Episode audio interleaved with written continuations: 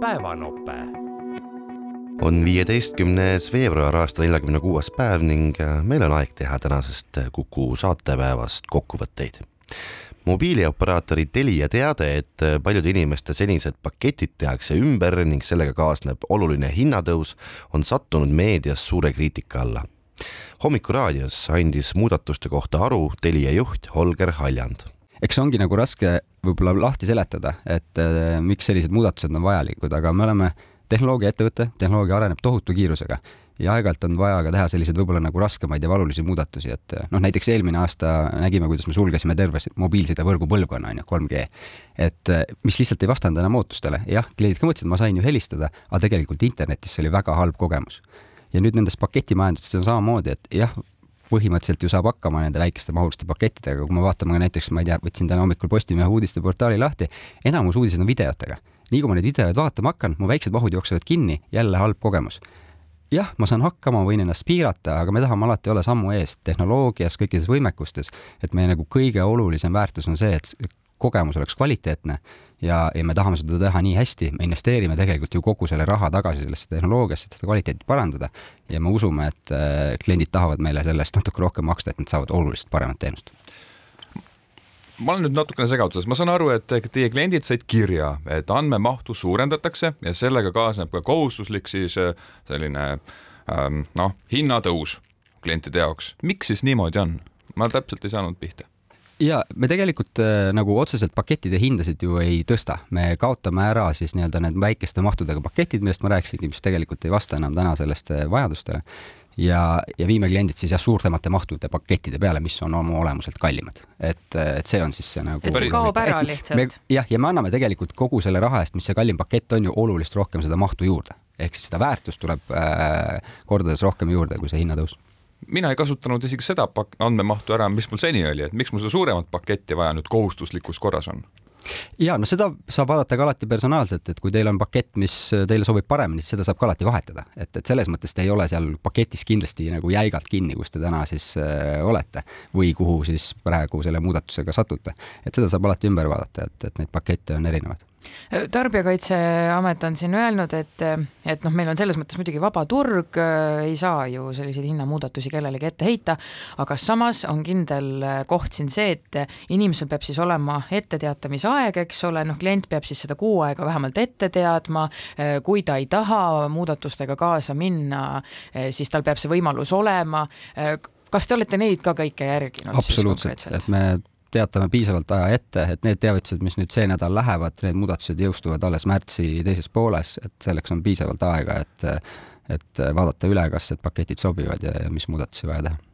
Te olete täna hommikul niivõrd rahulik ja tulite nii hea tujuga siia stuudiosse, seda on väga tore näha iseenesest, et, et see töö tegelikult, mis võiks olla teoorias päris stressirohke, tulete sellega hästi toime, aga ma nüüd ei saa aru, kas te ikka mõistate inimeste muret selle loo juures või ei mõista? Ma mõistan täiesti, et ma saan aru, et, et kui need hinnamuudatused äh, muudavad kliendile kuidagi selle liiga kalliks, siis ongi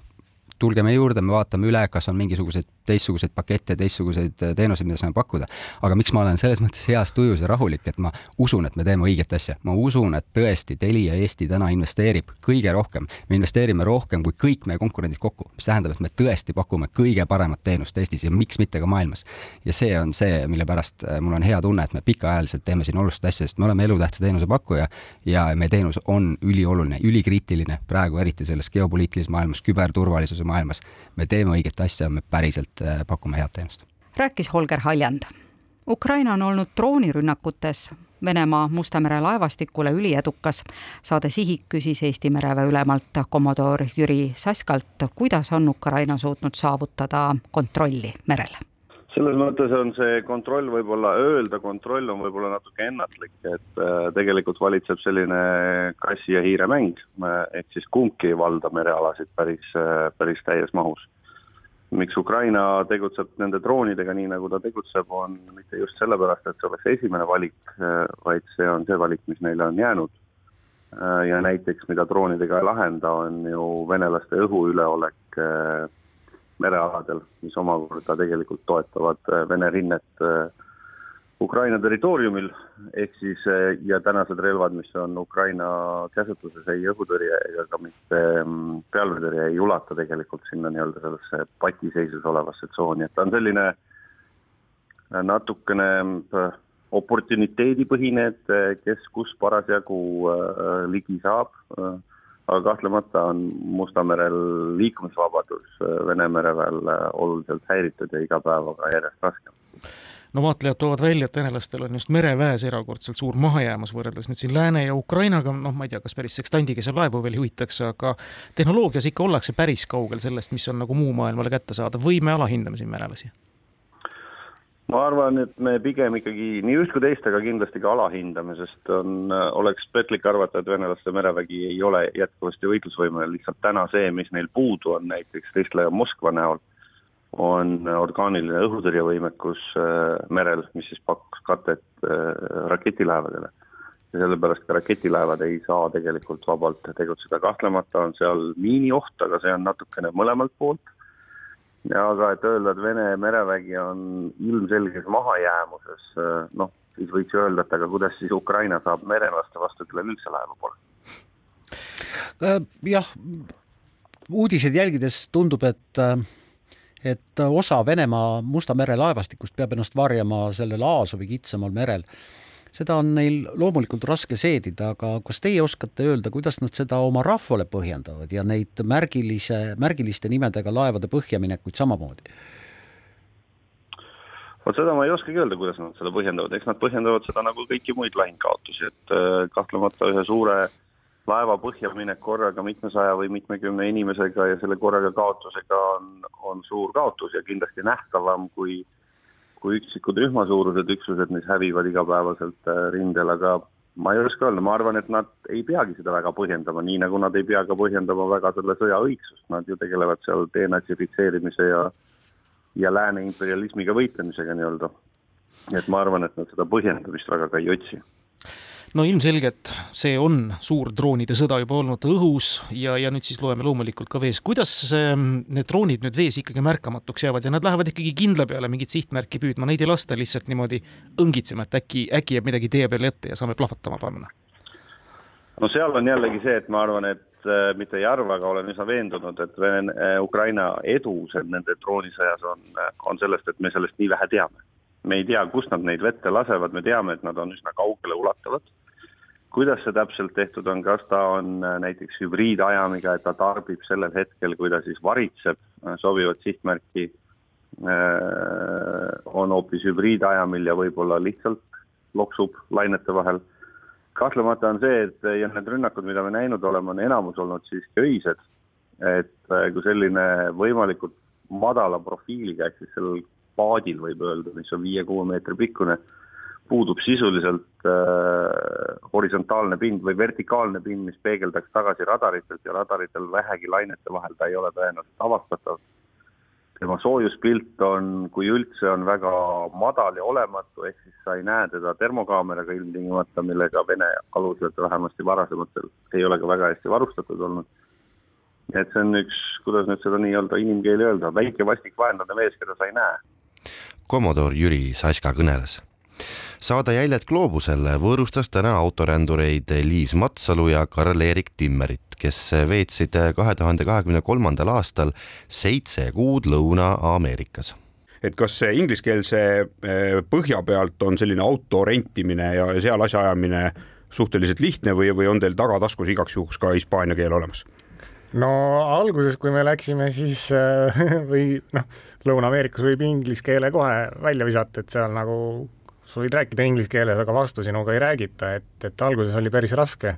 Surinaames vist räägitakse vastu, aga noh, sinna ta ei sattunud, on ju. see jäi kaugele, jah. ei no tegelikult natukene me selles mõttes ikkagi puterdasime ära hispaania keeles ja me olime enne, noh, mina õppisin Duolingo äpi kaudu ja no Karl vist ei õppinud enne üldse hispaania keelt, et ta, ma ei teagi, kas sa lootsid minu peale? ei, ma proovisin kavalalt teha nii, et tema õpib ära ja siis ma kuulan kõrvalt ja siis nüüd ma räägin ka enam-vähem. Jah, et eh, eks noh, me seal ka arenesime palju ikkagi, kui kohalikega rääkida ja nii, aga mingi põhi oli, hispaaniakeelne põhi oli meil selles mõttes ikkagi olemas, et mul, nagu endal tuleb meelde nendest äh, hispaaniakeelsetest riikidest, et üks nagu seda keeleõpet kergendav asi on see, et inglise keelega on mingid tüvid on sarnased paljudel sõnadel ja teine asi on see, et neil on hea komme nimetada asju õigete nimedega. Ehk siis, kui, kui sa otsid hotelli Casa Verde, siis Casa on maja ja Verde on roheline ja sa leiad lõpuks rohelise maja mis ongi, et selle hotelli nimi on, et see on niisugune hea näide, et nad tihti panevadki asjale päris selle nimi. jah, meenub mulle näiteks paadimootori nimi Peruust, mis oli Peke Peke, mis on puhtalt tuletatud sellest häälest, mis ta teeb oh,. Peke, Peke, Peke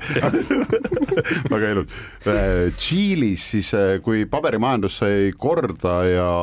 ja teil oli õigus auto osta, siis te läksite lihtsalt mingisse automüügiplatsile, jalutasite sisse umbes ja, ja ütlesite, et see no kuna me otsisime konkreetselt sellist autot, kus äh, oleks noh, üks kriteerium oli see, et seal pidi midagi juba küljes olema, et me saaks seal sees elada ja seal on õnneks päris suur kommuun äh, sarnaselt mõtlevaid inimesi, kes tahavadki osta sellist autot, teevad mingi tiiru ära, müüvad maha. Ja siis niimoodi järelturult me leidsimegi, et selline ümber ehitatud auto juba mis põhimõtteliselt on stardivalmis, et katusetelk oli küljes, sees oli isegi elektrisüsteem, külmik, päikesepaneelid, et päris asjalik oli ja niimoodi me võtsimegi turult ära. selle nimi oli Honda Pilot, mis selle vaste siis siin Euroopa poole peal on? Euroopas teda ei olegi, ta on selline USA versioon CRV-st põhimõtteliselt, aga ta on niisugune suurem ja natuke USA-le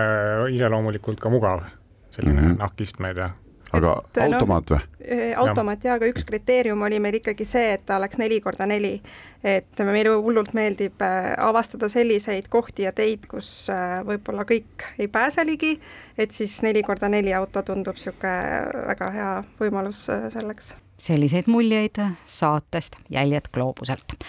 nii seda kui kõiki teisi Kuku raadio saateid on võimalik kuulata täispikkuses Kuku veebilehelt või Playeri nimelisest äpist. päevanope